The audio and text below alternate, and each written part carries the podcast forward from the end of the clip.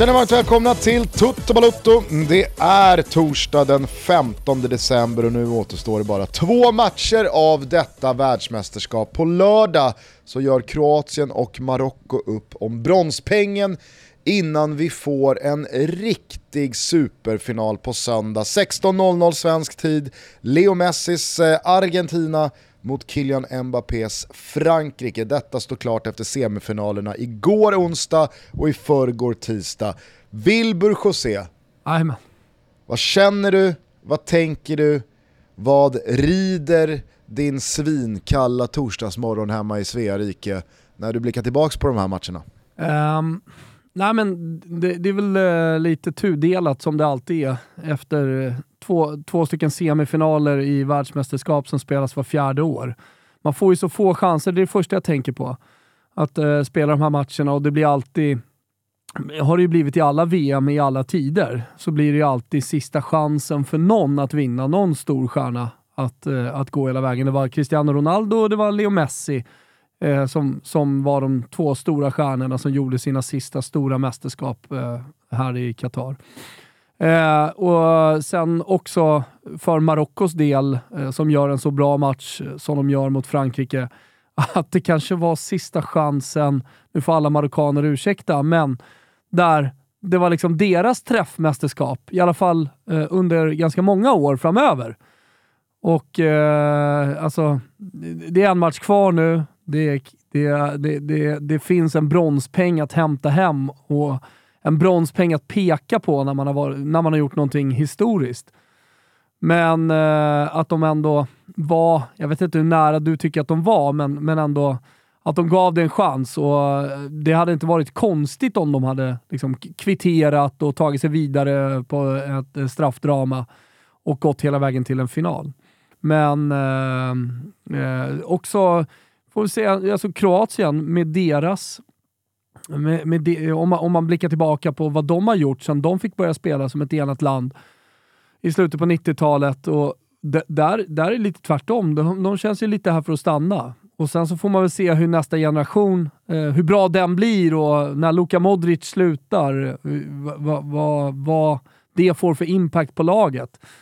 Men eh, det går kanske inte att använda samma logik på Kro Kroatien om man blickar framåt med tanke på hur långt fram de har varit i mästerskap hela tiden. Nu när man i en, i en bronsmatch förra mästerskapet så var man i en final mot Frankrike.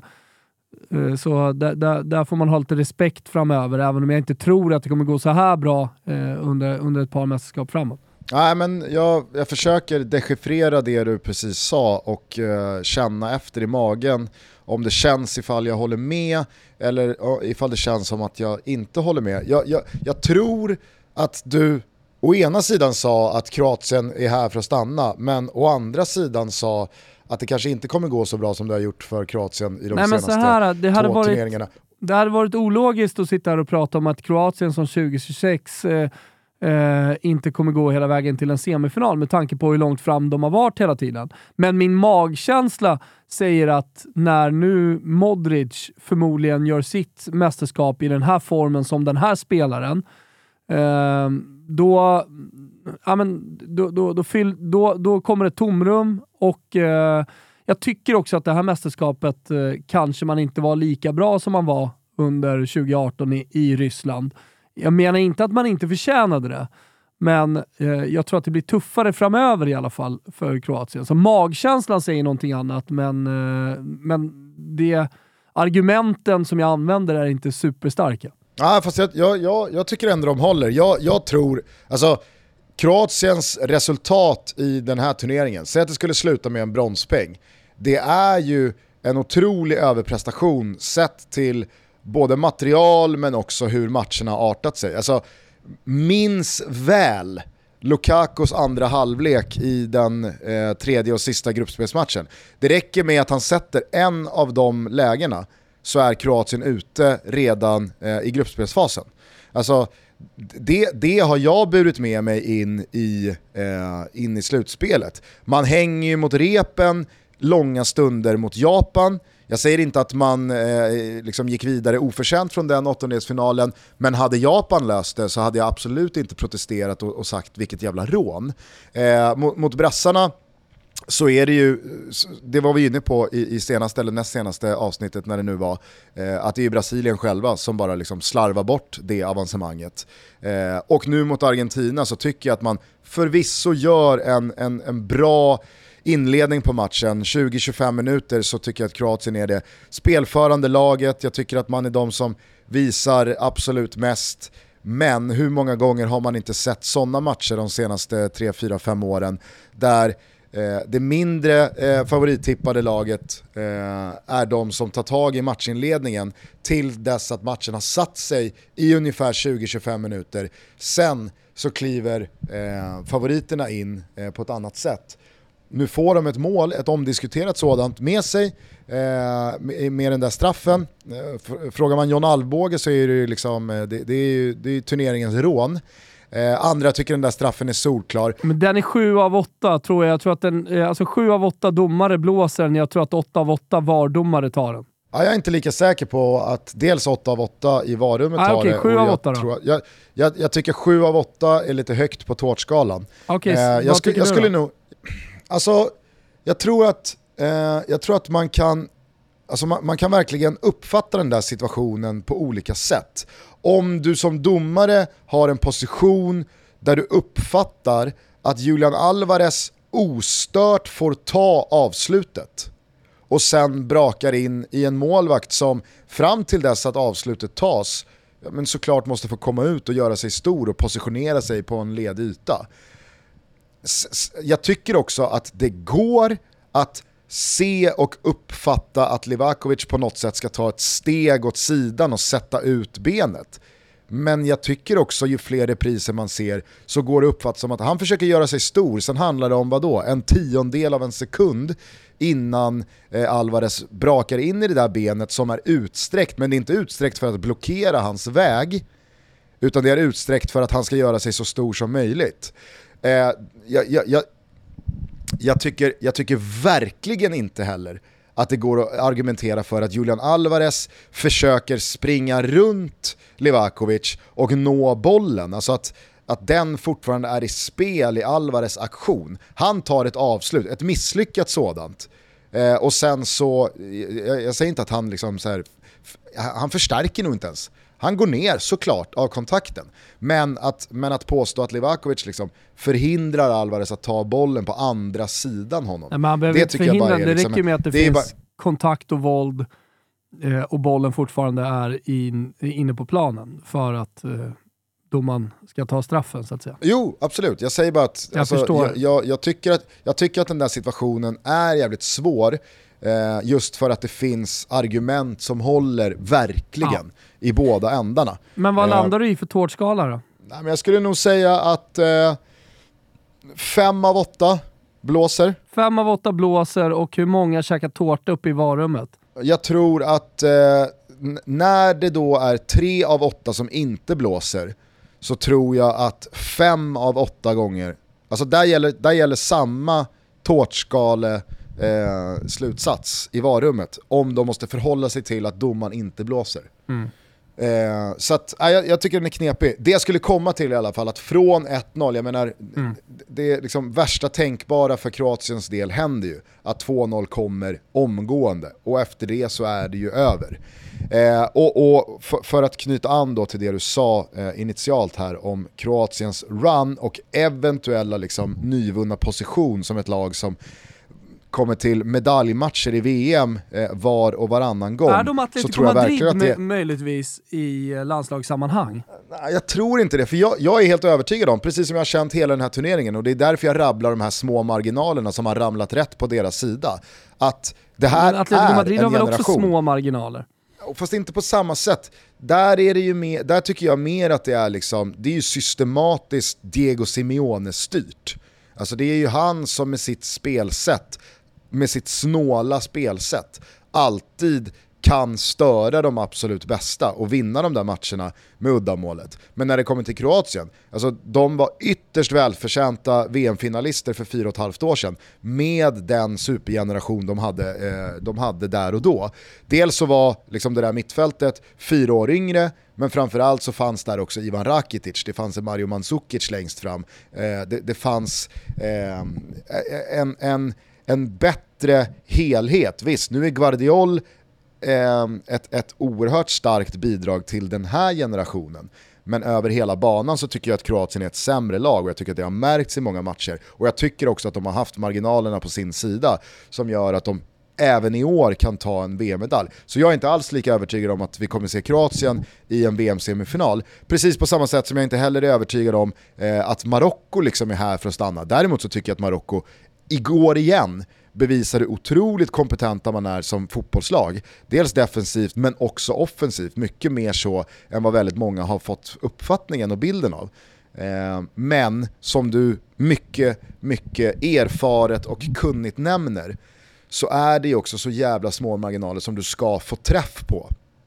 Eh, det, har ju, det har ju faktiskt varit, jag har inte sett några XG-siffror eh, igår, men jag kan tänka mig att eh, om man inte förlorade den matchen så eh, var det i alla fall väldigt jämnt med tanke på Frankrikes chanser där strax efter 1-0 i, i den första halvleken. Sen får man, inte, man får inte glömma bort en sak heller, det är att om 1-1 kommer, då blir det en annan matchbild. Då, Frankrike, Herregud. Ja, nej men det, jag tycker det är men, ofta man glömmer i fotboll att så här, men gör de 1-1, ja, de, de, har flera chanser, de borde gjort två och tre mål, ja, men de förtjänar att gå vidare. Men när 1-1 kommer, då blir det en annan matchbild. Då blir det Frankrike som kommer eh, gå för och, och, och det, ja, men då får vi en helt annan match. Så, så det är svårt att spekulera i. Nu går man ju bara på de chanserna som eh, Marocko hade för att reducera eller kvittera. Men det kan man ju inte heller Exakt. göra. Men de kan man ju aldrig, nej, man kan aldrig ackumulera ihop dem nej. till att således borde de ha gjort tre och vunnit med 3-1. För Alltså, precis som du säger, det är väl klart att då hade ju matchbilden svängt och Frankrikes incitament i den också. Men eh, samma sak gäller ju för de där Giroud-chanserna. Alltså jag menar, står det 2-0 efter 20-25 minuter, då, då, då kan det ju liksom å andra sidan sluta 4-0 för då tror inte jag att Marocko liksom orkar eh, samla kraft för att försöka bestiga det berget. Toto Balotto är sponsrade av Samsung TV. Och nu, idag, efter en härlig höst eh, med Samsung i Toto Balottos rygg så vet ni att de har en TV för precis alla behov alla personer. De har såklart också storlekar som passar till alla rum. Jag vill idag slå ett stort slag för tvn som heter The Frame. Här där jag sitter i studion har jag en 32-tums. Utanför, på kontoret, har jag en snygg The Frame som ser ut som en tavla när den inte är på så att säga.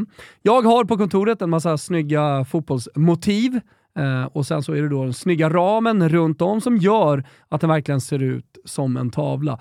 Årets modell, 2022 alltså, den är dessutom matt. Så att den här känslan av att man verkligen tittar på en tavla blir ännu starkare. Den finns från 32 till 65 som jag sa, men hela vägen upp till 85 tum.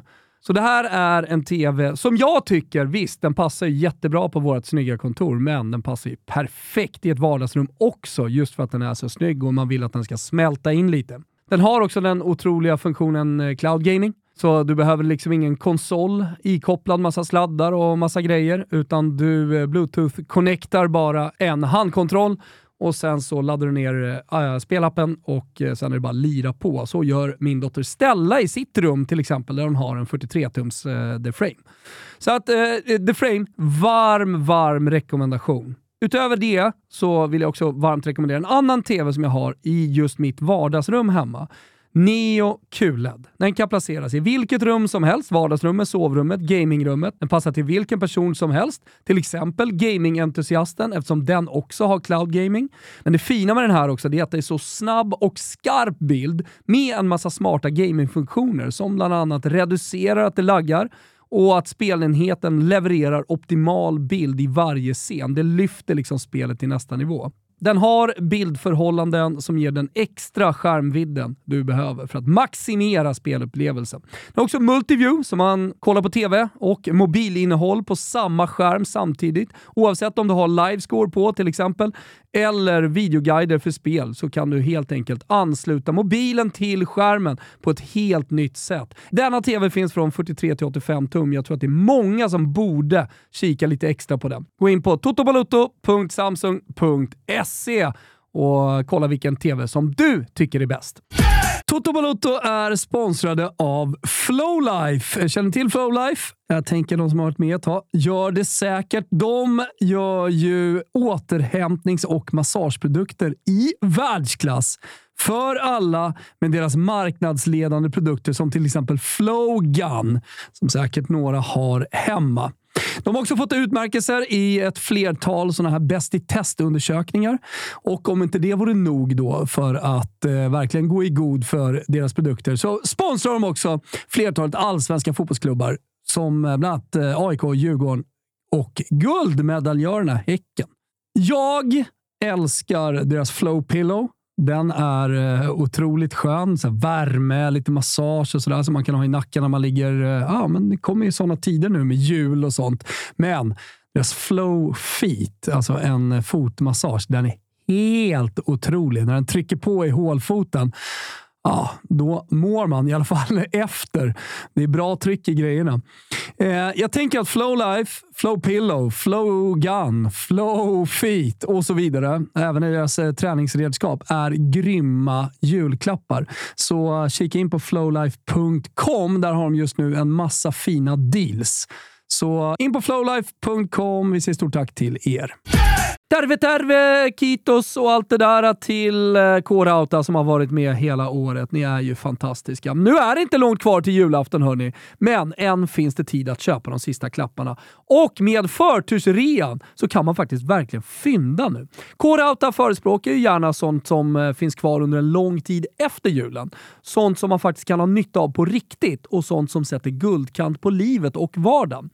Så glöm inte att man kan köpa en julklapp till flera och även gå ihop för att köpa saker tillsammans. På K-Rauta finner man de perfekta presenterna till nära och kära. Jag tänker på hemmafixaren som jag alltid gör när jag tänker på K-Rauta. Där finns ju verktyg och precis alla tillbehör. Men det finns också till exempel gasolkaminer för livsnjutaren och så vidare. Glöm heller inte att gå med i K-Rautas kundklubb och ta del av alla deras otroliga erbjudanden som man får. Och då eh, dessutom fynda före alla andra innan mellandagsrean. Besök närmsta butik eller krauta.se. Huvudjola! God jul! Eh, men eh, vi, vi, kan väl bara ta lite, lite mer match för match då. Eh, och, och, börja med att konstatera att Roman Seis alltså kommer till spel. jag, så, jag, såg eh, för några veckor sedan, var det kanske tio dagar sedan, efter åttondelsfinalen mot Australien, att du hade lagt ut på vår Insta eh, ett par gubbar som hade ställt sig upp från sina rullstolar. Eh, när, när Messi höll Kla hov. Klassisk napolitansk övning. Ja, och så hade du väl skrivit typ julmiraklet i Doha. Mm. Exakt. Att Messi, han får förlamade människor att kunna stå igen. Ja. Eh, men eh, det, det, det, måste ju varit något, något liknande mirakel vi såg igår när ja. leder ut trupperna. Ja. ja, det var otroligt faktiskt. Men det höll inte. Nej det höll inte och det höll ju på att kosta eh, väldigt, väldigt mycket. Eh, alltså hans skada eh, tror inte jag förhindrar Theo Hernandez 1-0 mål. Men du ser ju bollen som rinner fram till Giroud när han blir fri och drar den i stolpen. Alltså hur den studsar över sig som har noll kräm att hoppa upp och förhindra den bollen. alltså, han, han, måste ha känt där och då, om inte då Regragi liksom från sidlinjen bevittnade det här och kände ta av honom, ta av honom.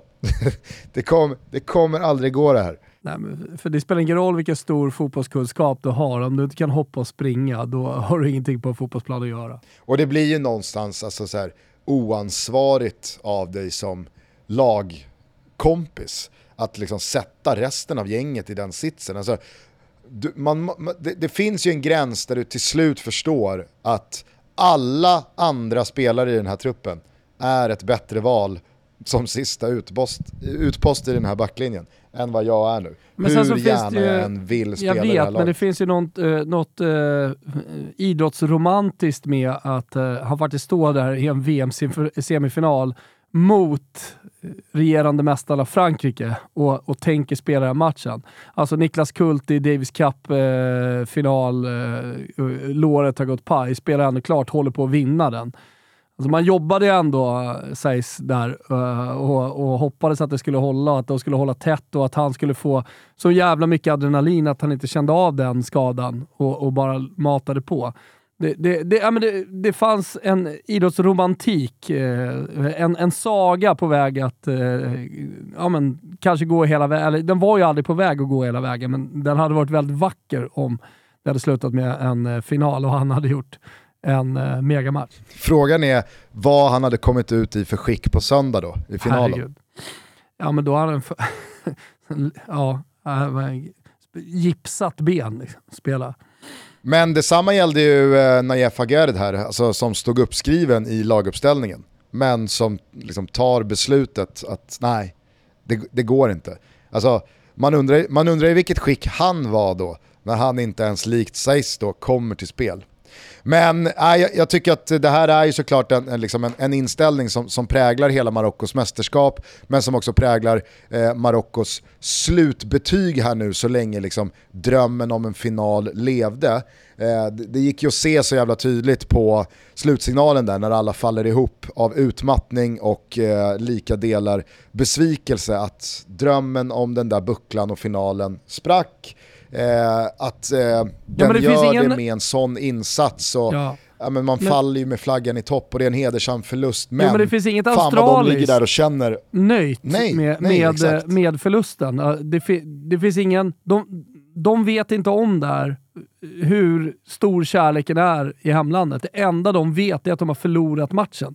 Det enda de tänker på det, det, det är eh, att de inte har tagit eh, det hela vägen till en final. Och eh, det, det, bara den inställningen eh, visar på att de var värda att vara i den här semifinalen. Eh, men, det, men jämförde också med Kroatien så är ju det här ett lag som eh, ja, men dels har slagit ut stora nationer, visst Belgien har slagit ut något också, men eh, genom hela vägen, men också förtjänat att vinna sina matcher. De förtjänar att vara i den här, i den här semifinalen med, med Frankrike.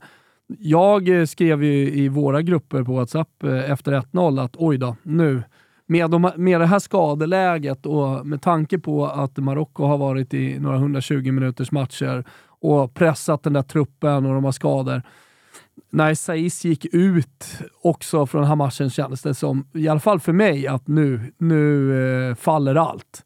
Nu blir det liksom 5-0 till Frankrike. Nu flyger Mbappé in tre vilket bollar. det höll på att bli. Ja, men ett litet tag, men alldeles för litet tag också kan jag tycka för, för, att, eh, för att inte bara prata om det som en del i en match. Jo, men det kan se ut sådär. De hade momentum.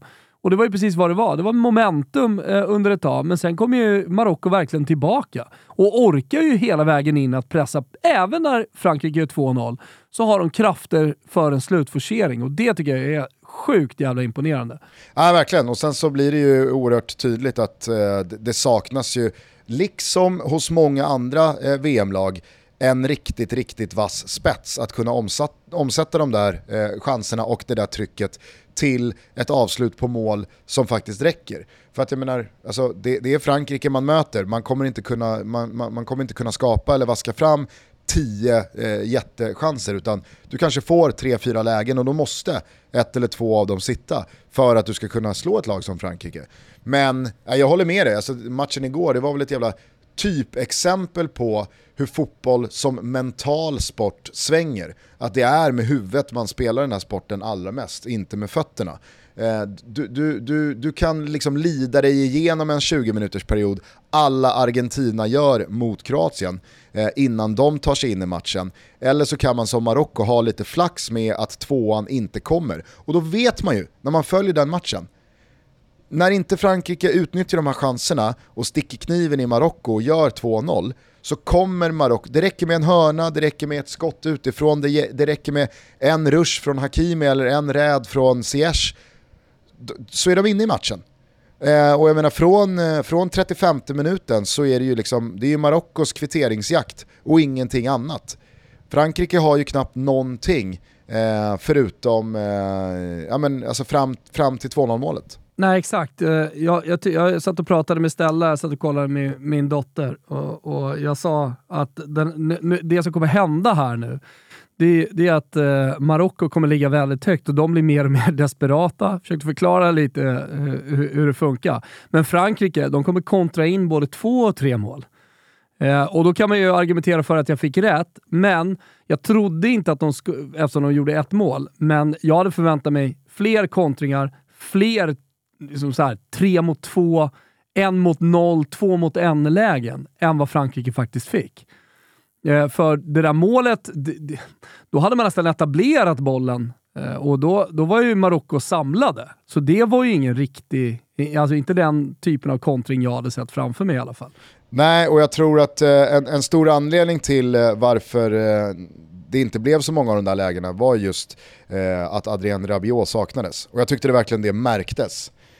för att alltså Fofana han är bra på sitt sätt, men det, det, är ingen Rabiot i form av bolltransporter men också de här snabba, längre passningarna vertikalt i djupled som sätter Mbappé eller som sätter eh, Dembélé i, eh, i djupet på de här öppna ytorna som, som ändå fanns. Jag tycker Chouameni gör en, en, en bra match i, i, i, offensiv riktning i det han gör där, men han har inte det här självklara, raka spåret mot mål som Rabiot kan ha.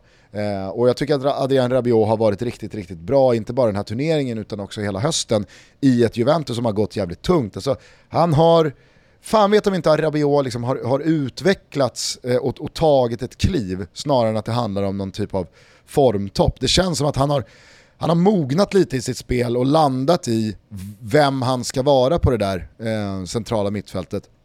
Och när han får vara lite chef så blir ju han mycket bättre än när han tvingas spela en andra eller tredjehands fiol eh, på ett centralt mittfält där det är en eller två spelare som snarare ska ha bollen än, än, än honom. Nej, nej men det, det, det handlar ju om nycklar. Alltså, om, du, om du bara får agera defensivt och, eh, och, och, ha en roll bredvid någon annan som har fått alla nycklar, då, då är det klart att du blir begränsad också i, i, som spelare. Här har man trott på honom. Och det, det tycker jag handlar väldigt mycket om tränaren och eh, hur mycket, alltså självförtroende eh, och alla spelare, oavsett hur professionella eller am amatörmässiga de är, trivs ju med förtroende från tränarna. Och jag, jag, jag, tror att det är helt enkelt det vi ser här. Ett bra ledarskap och förtroende från Deschamps. Ja, nej, verkligen. Eh, mäkta imponerad är hur som helst av Marockos insats, eh, inte bara igår utan hela turneringen såklart. Men på tal om då psykologi och hur mycket den här sporten handlar om mentalitet och vad som händer i skallen. Alltså bronsmatchen kommer ju bara handla om vilket lag vill det mest. Alltså vilket lag orkar kraftsamla för att göra en prestation och, och ta det är väl alltid bronsmedaljen så. snarare än, nej inte alltid. Jo men om båda, lagen, om båda lagen vill det, du, du, lika mycket, ja men då blir det match och då, då blir det bästa laget vinner. Men jag tycker att det är ofta, och så har det varit i VM-historien också sen vi haft bronsmatcher, men jag tycker, eh, jag tycker ofta att det är tydligt att det är det laget som vill mest just i bronsmatchen. Det är aldrig mer tydligt som faktiskt ja, eh, vinner. Om du pratar om bronsmatcher, absolut. Jag, jag uppfattade... Bara bronsmatchen. Ah, okay, ja, ah, då håller jag med dig. För att det är ju vad bronsmatcher handlar om. Jag trodde du pratade om liksom fotbollsmatcher generellt, jämt. Att det handlar om vilka som vill det mest. Där är det ju inte alltid den regeln som gäller. Men i bronsmatcher så är det fan alltid vilka liksom, vilka ställer ut skorna och vill göra någonting av den här matchen. Eh, Lex, Thomas Brolin Sverige mot Bulgarien 94. Eh, det jag skulle landa i i alla fall var att Marocko med all rätta och med en stor jävla eloge har ju liksom iklätt sig rollen som, vad säger man, apostel eh, om eh, tron till så jävla många fler länder än eh, bara sig själva. Och det, det, det, det tycker jag känns eh, jävligt eh, befriande och eh, kul eh, när det kommer till liksom, fotbollens framtid. Att Marocko har ju gjutit mod i så jävla många liksom, länder som aldrig har eh, upplevt en sån här framgång förut, att det går. Eh, inte bara ute på plan utan också strukturellt hemma i landet och mm. med, med ja, rätta det... typer av eh, spelare på positioner, med förbundskaptener på positioner, med högre ledning än så. Eh, och, och, det behövs. Ja, det behövs, men, men det är också eh, ett resultat av väldigt hårt arbete och att man har gjort mycket rätt inom marockansk fotboll att man har kommit hit eh, är, eh, som Regragui också var inne på eh, på presskonferens, presskonferensen, inget mirakel. Utan det här är frukten av hårt arbete och att man, att man har faktiskt satsat på fotbollen i, i Marocko. Och hade man inte gjort det så hade man inte varit här nu. Och jag, tyckte, jag tycker att det är viktigt att ta med sig att det här det, det, det, här var inte en engångsprestation heller av detta Marocko, utan det här är ett Marocko vi kommer se mer av. Och det är marockanska fotbollsspelare vi kommer se mer av ute i Europa och i, i toppklubbarna också. Inte bara att Amrabat eh, följs av Liverpool och andra stora klubbar eh, och andra i det laget, men, men det kommer säkerligen komma upp fler marockanska spelare. Och sen så finns det ju ytterligare eh, en eh, liksom del i eh, Marockos framgång för dem själva. Och det, det är just det här att eh, eh, marockanska spelare födda i andra länder, eller marockaner födda i andra länder med dubbla pass, eh, kanske tänker både en och två gånger eh, innan de väljer landslag framöver. Uh, och, och, att det här faktiskt är, något, det här, det här, är någonting som man faktiskt vill tillhöra. Inte bara för att man är marockan, utan man kan faktiskt också gå väldigt långt och man kan också uh, uppleva framgångar på fotbollsplanen. Eh, och att det då blir väl, lättare att välja eh, Marocko. Eh, men med, med, med tanke på att flera av de här spelarna har i alla fall ett mästerskap till, och det finns unga spelare i det här laget också som har fler mästerskap till, så, så måste man ändå har, har ju ändå Marocko befäst någon typ av plats i, i, i, i liksom världsfotbollen, man ska säga i och med eh, den här prestationen. Sen kanske det inte räcker till en semifinal nästa gång, men för att vara lite bildlig och prata om Marocko 2026 eh, så kan jag ju garantera att de kommer få ett eget avsnitt. i Tutski Balutski. Om de nu tar och sig... då förstår alla vart de har tagit sig. Om de nu tar sig dit, för det ska man ju säga, det är inga garantier. Skulle de lösa en, en bronspeng så finns det ju, det är väl majoritet på de senaste 30 åren att bronsmedaljörerna har bränt nästa mästerskap. Alltså, Sverige brände eh, VM 98 efter att ha tagit brons 94. Kroatien brände väl 2002 efter att ha tagit brons eh, 98. Turkiet brände 2006 efter att ha tagit brons 2002. Eh, jag minns även att Holland efter att ha tagit brons 2014 brände 2018. Så att, eh, ja, du, du, du hör ju själv. Ja, eh, jag, jag hör, men eh, jag vill ändå inte tro att detta är en regel, utan snarare slump. Ja, och nej. när jag tittar nej, på det här Marocko alltså, så ser jag dem inte riktigt bränna nästa mästerskap. Det skulle vara en stor skräll i alla fall om de gjorde det. Så är det verkligen. Eh, och man, man, gör ju sällan det med överraskningslag som har gått till en semifinal och knipt ett brons i ett, i ett VM. Att, ja, jag, jag, ser ju här att det här laget kommer missa nästa mästerskap. Det gör ju inte jag heller. I synnerhet inte nu när eh, platserna utökas. Kanske inte i jättestora antal. Men ändå. Eh, tillbaka till eh, eh, i, i förrgår och Argentinas eh, match mot Kroatien. För det var ju återigen så att Leo Messi höll hov, han gör 1 plus 1, går väl att argumentera för att han ska ha någon jävla assist till eh, Julian Alvarez 2-0. Men eftersom eh, kroatiska spelare är på den där bollen och försöker slå undan den på Alvarez. Han behöver den inte. Nej, det behöver han inte, men vissa kommer säkert räkna in den. Skitsamma. Ja. Eh, det, stannar, det stannar på 1 plus 1, eh, den där straffen trycker han ju upp eh, precis så som Backe vill ha dem. Högt Aha. och hårt. Mm. Det är ingen idé att slå en straff på något annat sätt. Fan vad, fan vad det många som, eh, liksom, tror jag, med illvilja missuppfattar Backe när han då sa som han gjorde efter att Kane missade mot, eh, mot Frankrike i kvartsfinalen. Eh, eller, eller alltså så här, förstår folk vad han menar, men, men man vill inte förstå för man har bara liksom låst sig vid att... Ja, men det, det finns ju alltid en möjlighet att du missar. Men, men, men, men, men försöker att slå dem, att göra det till sin grej, att slå dem högt och hårt. Det, det kanske är svårare och större risk då att man kanske missar, men då är det större risk att målvakten tar bollen om du slår den lågt. Och, och välplacerat så att säga försöker, försöker prickskjuta in den. Ja, eller ännu, ännu värre slår de här liksom antingen då eh, Panenka-straffarna eller hoppsatsstegsstraffarna eh, när du då ska liksom bara lite löst rulla bollen och målvakten kan ta emot den med foten eller om du väljer att chippa, att målvakten står kvar och bara fångar den i Alltså det är så här, att missa en sån straff är ju betydligt mer svårmotiverad för dina lagkompisar, din tränare, dina supportrar. Alltså, det, det, det, är ju det Backe försöker sätta fingret på, att alla kan missa en straff, men att slå en straff eh, på ett visst sätt får ju andra konsekvenser jag tror att alla eh, olika träff annat, också på bollen. Alla, pris liksom. ja, men jag, jag, även på straffar så har alla olika egenskaper. Så jag tror att aldrig vi kommer få en typ av straff, straff en form liksom där alla eh, vill, vill slå den högt och hårt. Alltså Kane har ju det tillslaget. Han har en säkerhet i det också. Eh, inte just i den här andra straffen, eh, men eh, Jorginho har det ju inte. Och, och, Då får han hålla på med sina straffar och så får det funka för honom. Så att jag, jag tror ju snarare att svaret är alla olika egenskaper och, och sen så får man försöka göra det som man tror är bäst för en själv. Och det kommer, det kommer se olika ut.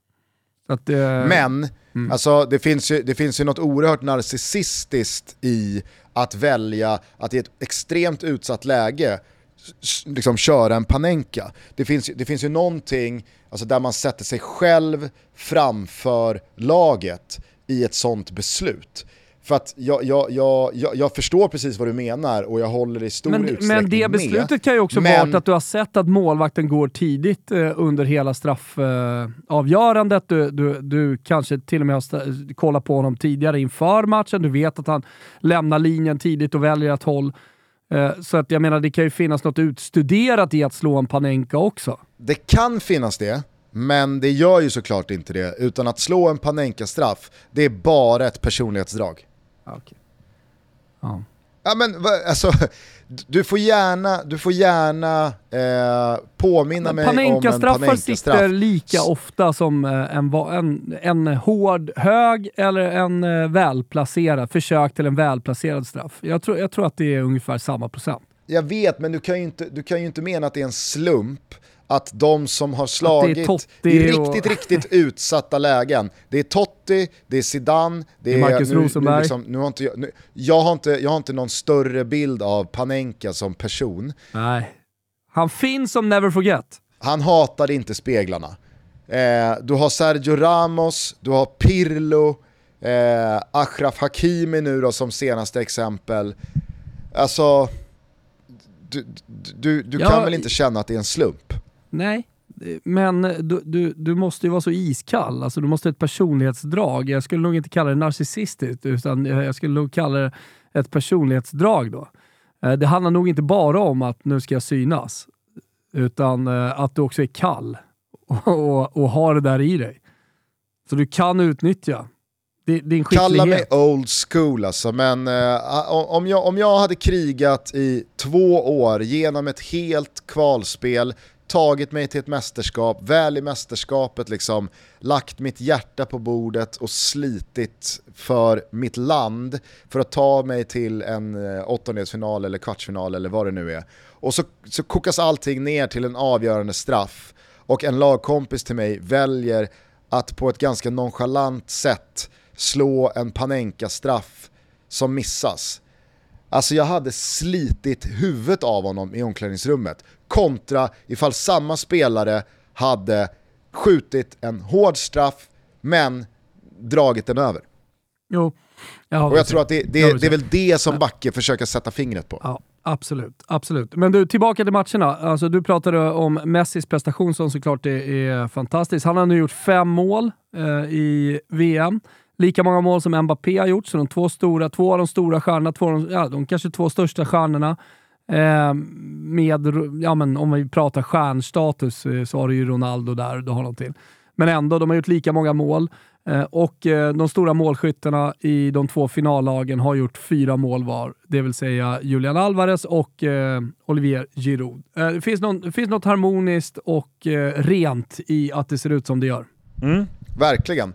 Eh, och det finns ju också någonting i att Messi i hela sin karriär inte bara har haft det här liksom, ja men han har inte vunnit VM utan han hade ju också målmässigt gått utan slutspelsmål i samtliga turneringar hittills. Nu har han alltså gjort mål i både åttondelsfinal, kvartsfinal och semifinal på det målgivande passningar i eh, två av matcherna va? Ja, det är direkt avgörande.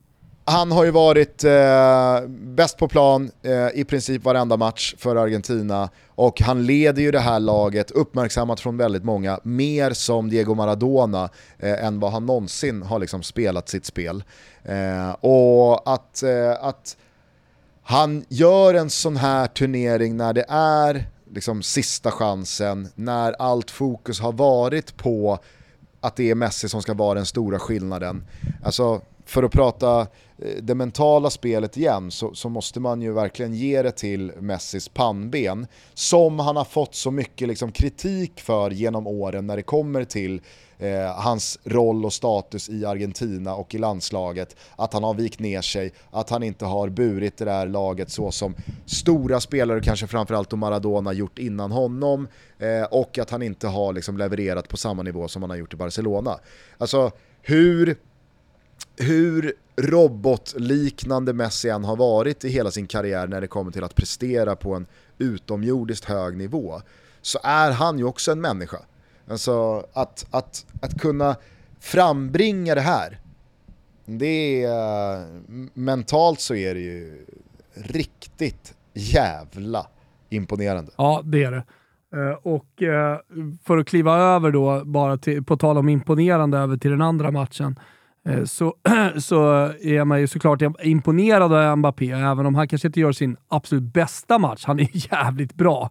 Och eh, hans ehm, eh, aktion när han tar, tar med bollen, ett medtag med högen och sen en tvåfotare, studsar på ett ben visserligen, så det är väl ingen ren assist, men, men ändå. Det, han är där, han, han, han är inblandad och eh, han hotar hela tiden. Alltså, han kommer med sina kraftfulla steg och sin teknik. Eh, det, det det är, det är en otrolig spelare. Eh, jag vill inte ta ifrån honom något från eh, den här matchen bara för att han inte gör mål i, mot Marocko. Men, men, jag tycker att hela hans turneringen, det, det, är bara klass rakt igenom ytterligare en gång. Men en spelare som vi kanske inte har pratat så mycket om, eh, som jag ser får stora rubriker och många eh, internationella experter pratar om i Griezmanns VM. Där han mot eh, Marocko eh, spelade mer som Kanté än, än som Griezmann brukar göra att han också tar det här hårda jobbet, att han gör det för laget. Eh, jag tycker att det också är symboliskt för det här eh, sammansvetsade franska landslaget. Verkligen. Nej, men, eh, Griezmann har ju varit eh, otrolig. Eh, följer man en match, alltså i synnerhet som jag har haft förmånen att göra eh, live, eh, det var väl fjärde Frankrike-matchen vi, vi gjorde igår, Eh, Eh, så ser man ju vilken oerhörd arbetskapacitet han har och hur prestigelös han är i försvarsspelet eh, och hur smart han är eh, i, både def och off, alltså i sina beslut det, det, det är äh, en, en riktigt jävla eh, vass eh, turnering från Griezmann, trots att han, han står väl på 0 plus 0. Exakt, jo, men, alltså, och det är så lätt att bedöma en spelare som Griezmann eh, på, på 0 plus 0. Och när man går tillbaka till det här mäster, mästerskapet och ser att han har 0 plus 0 om 20 år. Men vi ska komma ihåg eh, vad, vad han har gjort för det här franska laget fram till den här finalen. Eh, jag tycker, tycker att han eh, bakom någon storstjärna och någon målskytt eh, har varit den som har bidragit mest. Sen är det andra spelare som har höjt sig också. En Varann som man inte har sett i den här formen sen, jag vet inte, någon, någon, någon, någon glansdag i alla fall i Real Madrid och gör ju en otrolig turnering. Nej, men jag skulle bara dra parallellen till förra eh, VMet när Frankrike vinner guld och Giroud går mållös. Alltså, det fanns ju en anledning till att han spelade varje match ändå. Och utan Giroud så hade inte Griezmann och kanske framförallt Mbappé gjort alla de poängen de gjorde. Alltså, nu har ju de där positionerna förändrats eh, och, och, uppmärksamheten har förändrats. Giroud kanske inte hade gjort fyra mål den här turneringen om inte Mbappé hade varit så bra som han är och liksom påtvingat den uppmärksamheten han får av motståndarna. Eh, så det där, det där går ju liksom mm. igen Ja, nej men precis. Alltså, jag menar bara att den här, den här turneringen så är, det in, så, så är det Griezmann som inte gör några poäng för att han är längre bak i, i plan. För att det finns ingen Pogba, eh, det finns ingen Kanté, det finns eh, ingen Rabiot i den här matchen. Alltså, han har ju tvingats ta en annan roll och det, det, det, syns ju uppenbarligen på, på poängkolumnen, men han har likväl varit överjävligt bra ändå i sin nya roll. Toto Balotto är sponsrade av de fantastiska människorna på Champion. Känner ni till Champion? Grundades 1919 i Rochester i staten New York. Det är alltså ett av världens äldsta varumärken. Som idag också är ett av de största livsstilsvarumärkena. Det jag tycker att många kanske har missat det är att Champions skapade hoodien redan på 30-talet och då adderades alltså huvan på plagget för att NFL och MLB-spelare på sideline så att säga skulle kunna skydda sig mot väder och vind. Men här vill jag verkligen slå ett slag för Champions ikonprodukt Reverse Weave, deras sweatshirt som är ett sätt att förändra konstruktionen på bomullsplagg för att förhindra krympning. Ja, men ni vet ju alla om att bomull krymper och att ja, men det kan bli lite slappt efter ett tag. Men Champion har alltså patent sedan 1952 på reverse weave. Och deras hoodie den är till och med invald i Museum of Art. Det säger väl allt? Jag har en sån här reverse weave haft sedan eh, 90-talet. Nu kan du dessutom personifiera ditt championplagg med patches, alltså märken, för en unik look. Detta gör man i Champions flaggskeppsbutik på Hamngatan 30 i Stockholm mittemot Gallerian. Det är väl en perfekt julklapp? Glöm inte bort att vara med och tävla om tre unika hoodies som jag har varit och tagit fram på Championbutiken. Allt ni behöver göra är att gå in på vår Instagram. Där berättar vi mer om hur själva tävlingen går till. Är det någon kod då? Ja, det är såklart det kod. 25% på hela sortimentet i Championbutiken på Hamngatan 30 i Stockholm och på championstore.com. Championstore.com. Koden är TOTO25. Dessutom fram till den 23.12 så bjuder Champion alla Toto-lyssnare som handlar på ett sätt gratis patches i butiken. Vi säger stort tack att ni är med och möjliggör Toto Balutto. Toto Bluto är sponsrade av Tre. Och Tre jobbar i en lite märklig bransch där alla mer eller mindre säljer samma saker. Och Förutom att fixa bra deals på mobiler och surf så satsar Tre därför lite extra mycket på två saker. Det första är att ta fram så flexibla tjänster som möjligt utan bindningstider. Och Det andra är att det ska vara enkelt att komma i kontakt med deras butiker via nätet eller på telefon. Och Tre är ju ett väldigt trevligt sätt att handla på. Jag har fått eh, välja att prata om någonting alldeles eh, fritt eftersom tre är så trevliga. Och eh, Då skulle jag bara vända mig till alla er som lyssnar på Toto Balotto som har lyssnat otroligt många timmar den senaste tiden. Det har ju varit 24 avsnitt Totski. Vi pumpar på med två avsnitt hela tiden. Och vi är extremt jävla glada. Ni ger oss så jäkla mycket inspiration eh, när ni hör av er och när ni kommer på våra events på Toto Live och så vidare. Så jag ville bara ta det här eh, utrymmet att säga tack till alla. Önska alla en riktigt jäkla god jul. Och för alla er som väntar på Never Forget säsong 2 ni behöver inte vänta speciellt länge. Vi kommer snart tillbaka. Vi säger stort tack till tre som är så snälla och trevliga. Och eh, ja, det blev inte så mycket snack om mobilabonnemang idag, men tre är som sagt måna om att människor ska få det trevligt på deras sätt. Så det gick ju bra ändå. Tack tre! Hör upp! Det är dags att försöka skaffa sig de bästa möjliga förutsättningarna som går vad det gäller lån. Toto Baluta är ju sponsrad av Sambla och Sambla kan hjälpa dig att dels jämföra upp till 40 olika långivare så att du kan få de bästa möjliga förutsättningarna och kunskaperna när du ska ta ett lån. Men Sambla kan dessutom hjälpa dig att omvandla olika lån, små som stora, med olika villkor till ett enda lån med bästa möjliga villkor för just dig. Mm. Jag tror de flesta har tagit ett lån någon gång och så har man suttit där och betalat helt onödigt höga räntor. För mig handlade det till exempel om en säng. Det blev helt enkelt inte bra med avbetalningsplanen inom citationstecken som presenterades och lät bra till en början. Tvärtom, det blev inte alls som jag trodde och varje månad var brevet från låneinstitutet tung som en jävla tegelsten i brevlådan.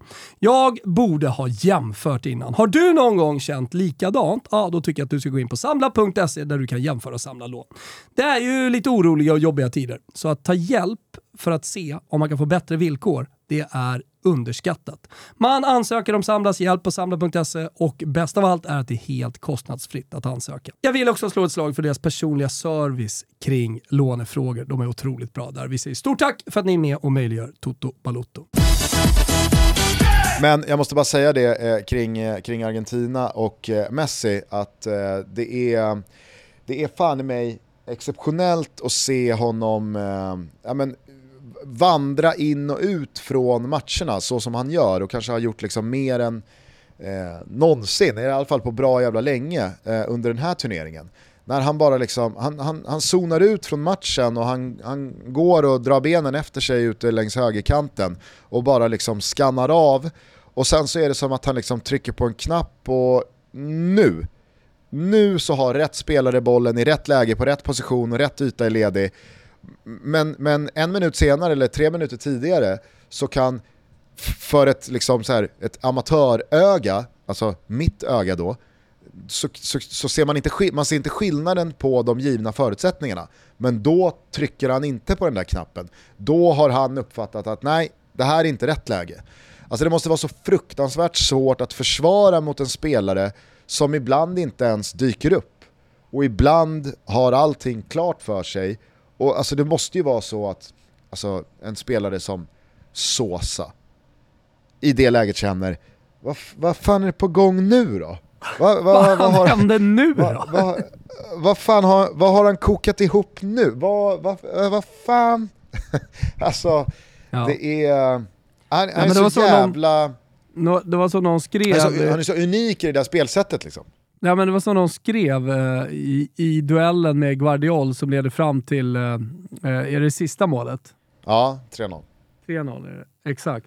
Att Guardiol gör ju allt rätt. Han har ju gjort precis det tränaren säger. Stöt inte bort dig, tryck ut honom eh, och se till att inte orsakar frispark. Han, stö han, han, han, han springer med, han har kontroll på honom, han trycker ut honom, han får honom till och med felvänd. Och i det läget så borde han ha kontroll. Där ska det komma en hemåtpass. Spela på rättvänd spelare, men inte Messi. Där vänder han bort honom och, och, och han, han är för nära mål helt enkelt. Men det går, det går inte att hålla en spelare så, det, går, det går inte att hålla en anfallsspelare borta från eh, sista tredjedelen en hel match. Det går ju liksom inte. Utan det, det enda då, det är att han skulle haft ett understöd. Då. Men, men det fann, den möjligheten fanns ju inte i det läget så som det uppstod. Utan det var Guardiol mot Messi. Eh, så, eh, och det, det, det, det, är ju sådär i fotboll ibland. Eh, alltså det, det, går inte att hänga försvarsspelare alltid, utan det, det är bara kapitulera, ta av sig eh, mössan och applådera för, för en fantastisk prestation av Messi. Och så behöver man inte hänga Guardiol för någonting.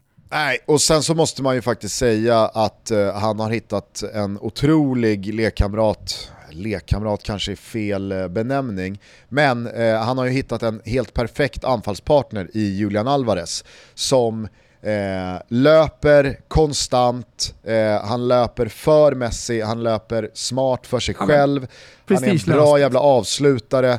Alltså, det, det, det, det är oerhört kalibrerat det där anfallsparet. Eh, och, och, och, jag tror att Messi älskar att spela med en sån där spelare eh, som, som eh, ställer upp på de tomma löpningarna. Alltså jäm, jämför, jämför eh, känslan eh, i Messi med att ha Julian Alvarez, liksom Messi-dyrkande eh, argentinare sen barnsben eh, som tar varenda tom löpning för honom tills liksom, han stupar. Och, och, när han inte får bollen, bara liksom applåderar, springer tillbaka på rätt sida offside-linjen och, och, och kör igen. Kontra att ha liksom Kylian Mbappé i PSG i samma, eh, i, i, samma typ av roll eh, i, i, i, en annan match.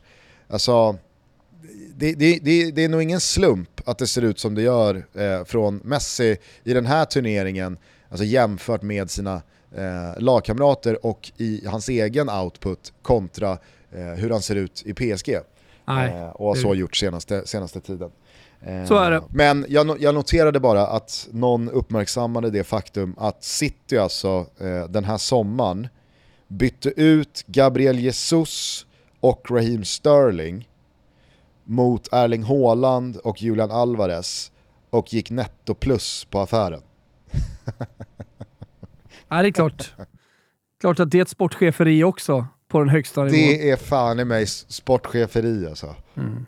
Julian Alvarez eh, har ju fått kriga i City, men han har ju gjort det bra. Ja, verkligen. Jag menar bara att konkurrenssituationen är ganska stor. Och speciellt kanske att få spela på den positionen som man trivs bäst i, som här i Argentina. Men vi ska också komma ihåg att Haaland, Haaland, eh, Haaland kommer ju att vara skadad en del. Alltså det är en spelare som, som vi kommer få räkna med eh, tappar månader. Det är, helt, det är, helt, är någonting jag är helt övertygad om. Då är det att Haaland kommer vara mycket skadad under sin karriär. Det kanske han kommer, men sen så behöver ju inte det vara eh, en förutsättning för att Julian Alvarez ska spela mycket fotboll i Manchester City. Alltså vi har ju sett dem eh, spela både tillsammans, eh, men man har ju också sett Julian Alvarez utgå lite mer från en, en, en ytterforwardsposition och där tror inte jag, i synnerhet inte i ett lag som Manchester City som äger så mycket boll som de gör. Alltså, då kan du göra det. I synnerhet när du har de ytterbackarna som Manchester City har. Alltså, det, det, där, det, där, det där kommer bli bra. Jag, jag, tycker, jag tycker att vi väljer glädjen här nu och fokuserar på att Manchester City har imponerat sportchefsmässigt snarare än att vi ska eh, pinpointa eh, hålets eh, muskulära problem. Absolut. Absolut. Men du, eh, nu börjar vi prata om eh, Manchester City, vi börjar prata om Haaland. Vi har VM-final att se fram emot. Det blir supertrevligt. Du jag ska summera det här mästerskapet i, i, ett, eh, i en egen podd, så att säga. En extra insatt podd och dela ut lite priser, tänker jag. Det blir bra. Kanske ha lite egna kategorier. Vi ska väl också ta ut eh, varsitt turneringens lag. Exakt. Världslaget så att säga. Och sen dela ut lite, lite härliga priser. Det kommer, men när vi nu ändå bryggade så fint över till klubblagsfotbollen eh, så tänkte jag att vi avslutar där. Jag såg, och det kanske du också gjorde, att Zlatan har pratat igen. Och han pratar om fotboll. Jag såg bara att eh, han eh, har pratat om att framtiden är så ljus att han behöver briller. Solbriller. exakt, exakt. Och att han såklart inte kommer spela fotboll eh, om han själv känner att han inte är 100% och kan bidra. Eh, att sitta på bänken, eller om man nu inte kan bidra så sitter han hellre på bänken eller på läktaren och, och bidrar på något annat sätt. Men, men eh, är han på planen, då är han där för att han har förtjänat att vara på planen, inte för eh, att han är Zlatan Ibrahimovic. Sånt där surr går jag igång på Gugge. Och jag tycker på något sätt nu när VM går mot sitt slut att ja, men, jag blev taggad på klubblagssäsong, jag blev taggad på de här eh, vintermatcherna som ska spelas i England i mellandagarna och eh, att allting ska dra igång igen. Och då med Zlatan på planen. Och eh, bara tanken att få se honom i en Champions League-match i en åttondel igen. Äh, men det, det, jag, jag, ja, man, man, kan, man kan ju annars eh, vara lite fotbollstrött, eller folk kan kanske vara lite fotbollströtta. Jag känner lite tvärtom att det här mästerskapet har gjort att jag, att jag ser ännu mer fram emot det som komma skall. Mm. Vet du vilket surr dock man inte går igång på? Nej, det vet jag inte. Eh, Silvio Berlusconis eh, peptalks så här i slutet av 2022. Uh, det känns uh, lite förlegat. uh, och det är väl dagens understatement. Ska du, ska du berätta sagt... för lyssnarna vad Nej, han har sagt? Han är ju på någon slags julfest. Folk sitter där och då pratar vi, alltså när jag säger folk så är det spelare, det är tränare, det är ungdomsledare, det är sponsorer, eh, det är eh, ledning. Spelarfruar. Det är spelarfruar, det är, eh, det är glad stämning, det är typ smoking på, det är i alla fall kostymer på, det är mörka kostymer till och med. Så det, det är väldigt sådär uppstyrt. Det är inget omklädningsrumssurr. Han pratar inte med, mellan fyra grabbar som att det hade gjort någon skillnad, men ändå så ni förstår sammanhanget. Ovetandes om att liksom någon filmar med mobilen, utan han ja, är ju 100% medveten om här. Han säger vad han säger. Som Monza-president att kameran rullar. Uh, han har ju dessutom en stor fet kamera på sig. På de rörliga bilderna som har kablats ut på sociala medier så är det en mobilkamera som firmar på en annan stor kamera. Som ser ut som en... Ja men det är det jag menar. Alltså, så här, du säger att det är inte mellan fyra liksom, eh, grabbar i ett stängt omklädningsrum och så är han ovetandes om att eh, en mobilkamera rullar. Utan det är ju ett sammanhang där han är 100% medveten om att det här, det här förevigas det här, eh, det här ska kablas ut. Berlusconi, Berlusconi har ju en bakgrund av att uttala sig precis på det här sättet i alla olika sammanhang, så det är ingenting som kommer som en chock eh, att, att han gör det inför alla på det här sättet med tv-kameror som rullar på honom. Utan eh, det här, det här är någonting som Berlusconi har hållit på med ända sedan han började tala till folket eh, så att säga i, i Italien. Och han har också en bakgrund av att eh, ha eh, umgåtts väldigt mycket med prostituerade. Eh, bunga bunga, eh, som ni säkert har hört uttrycket. Det, det var ju Berlusconi när han beskrev hans knullfester han hade på Sardinien i sin stora villa. Eh, där, där han då hade lyxprostituerade i, i mängder och eh, där, där han spenderade eh, somrar och eh, ja, egentligen lediga, lediga tider. Eh, lediga dagar.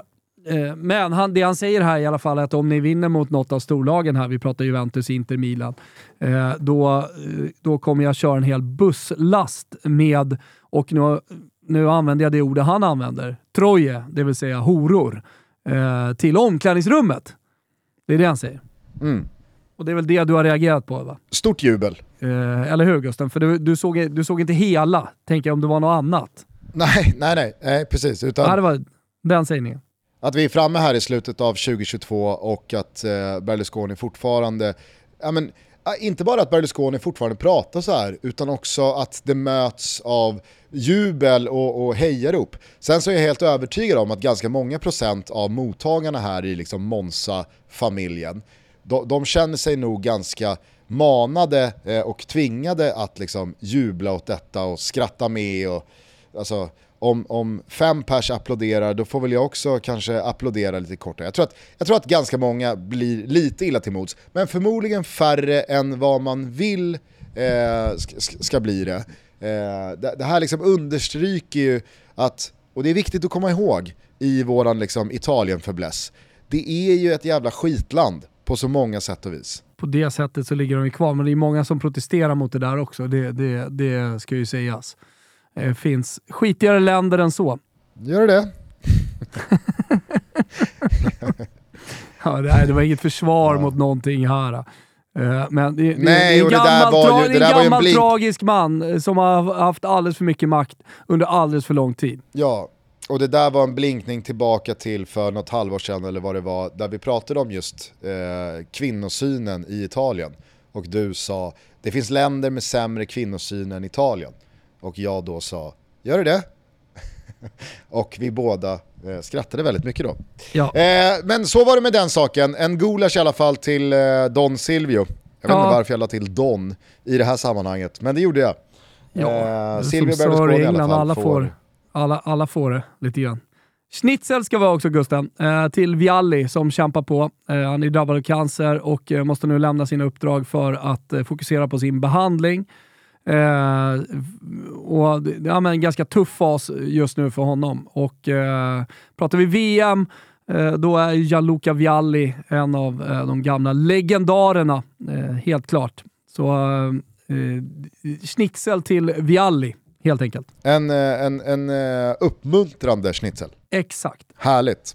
Eh, hörni, eh, som eh, Thomas sa, vi hörs snart igen. Eh, jag tror att det blir på lördag morgon. Då blir det ett litet eh, inför eh, medaljmatcherna special där vi också tar ut eh, varsitt världslag från turneringen som har varit. hör av er om det skulle vara något. Vi finns på Twitter, på Instagram, på totobalutta.gmail.com.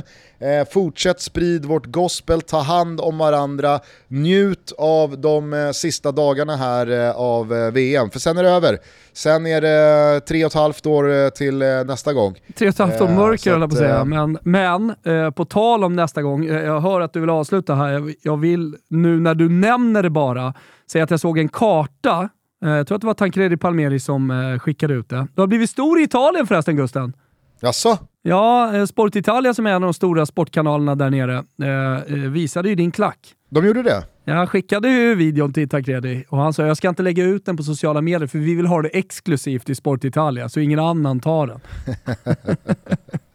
eh, ja. Hur hade den mottagits då? Ja, mycket väl. Mycket väl. Eh, jag, har, jag har min eh, goda vän advokat på Sardinien eh, som följer Tancredi. Han är också vän med Tancredi, vi är vänner allihopa. Eh, Mauro, eh, han hade kollat på det live och blev väldigt, han vet ju att du och jag jobbar tillsammans. Och, eh, han vet vem Gusten är och att du jobbar i, i tv och sådär. Så han har blivit väldigt glad i alla fall. Eh, men på Fan tal om, trevligt. men, ja, mycket trevligt. Men på tal om att blicka framåt då, så skickade Tancredi ut då en karta där det var utplacerat vilka städer som eh, får hosta nästa VM. Och helvete vad man går igång på VM 2026 redan nu. Mexico City, Azteca-stadion. Vad säger du? Är det någonstans Gugge Ja, Dahlin kanske kan åka? Ja, men det, är väl, eh, det är väl någon slags helig graal när det kommer till fotbolls-VM. Ja, men du har San Francisco, du har Los Angeles, du har Guadalajara, där hopp dit hoppas vi att Sverige kommer. Miami, du har eh, New York, eh, Kanada får vara med på ett hörn också, Toronto, Vancouver, eh, Kansas City, Dallas, fotbollshubben eh, eh, som vi har berättat om eh, i, eh, i Dallas. Eh, och Kansas City, Kansas City, Atlanta och så vidare. Jävlar! Va? Det är något annat än Doha, hörru. Ja, det kan bli något. Det kan bli något eh, alldeles eh, speciellt. Man vet ju att eh, du, dubbelavsnittslagen i Tutski, de kommer spela i Kansas. Det är 100 procent. Det kommer de göra. Du, jag skulle också bara vilja eh, säga eh, att eh, vilket flow vi har med våra spel nu under det här mästerskapet eh, hos Betsson. Vinner Argentina VM, ja men då har vi ett odds, eh, liten odds-jackpot eh, totalt sett på våra rublar också. Ligger redan bra till. Men tripplarna har gått in under eh, slutspelet här också. En 7,5-oddsare, en 6,25-oddsare. Eh, så där ligger vi mega plus också och vi ser fram emot att göra en sista raket inför finalen. Den hittar ni under godbitar, boostade odds, precis som alltid på Betsson.com och det gäller för 18-åringar uppåt samt stödlinjen.se finns om man har problem med spel. Glöm heller inte eh, i detta lilla budskapssegment att dricka Pepsi Max och att gå in på vår Instagram. Där har vi just nu eh, tävlingar, julkalender, tillsammans med dem. Man kan vinna feta priser. Det var det och sen hoppas jag att jag ser många på eh, det vet jag redan för att vi har eh, sålt 300 av 400 biljetter till finalen på Space. Frankrike-Argentina alltså. Hoppas att eh, det är 100 pers till eh, vill komma, det tror jag. Och jag tror att det kommer gå åt här kommande dagar. Så eh, vi ses på Space och går vi ut på det här mästerskapet på hemmaplan också på ett bra sätt. Och kolla till Gugge på storskärmen. Kanske klackar eller något. Underbart, vilken jävla finaldag det är på söndag. Det är inte bara VM-final, det är också Robinson-final. Så att Ja. eh, alla ni med ett eh, simor abonnemang ni har ju en ruskig söndag att se fram emot. Jag ska faktiskt se det näst sista avsnittet här nu eh, när vi stänger av. Då ska jag gå upp eh, till gymmet och eh, träna, slå på Robinson, den sista tävlingen, det är såklart plankan. Mycket, mycket spänd på hur det här ska sluta. Så att, eh, ja, eh, alla vi med ett eh, More Premium Plus-abonnemang, vi kan, vi kan ha en riktigt trevlig söndag att se fram emot. Vi hörs igen på lördag. Gör Och till dess, skit på er. Skit. Ciao tutti! Ciao tutti! If a consciousness in constant flux treats instantaneous entities, my side of self created and anchored. A portal or a node or whatever you wanna call it. Well, they call me up and looking for answers. Why he said I'm lost, so lost. Have you found a panacea that we all been searching for? Have you banished that curse cursed futility away? I'm glad to say that in a roundabout way, there's an asterisk there, caveat, but I.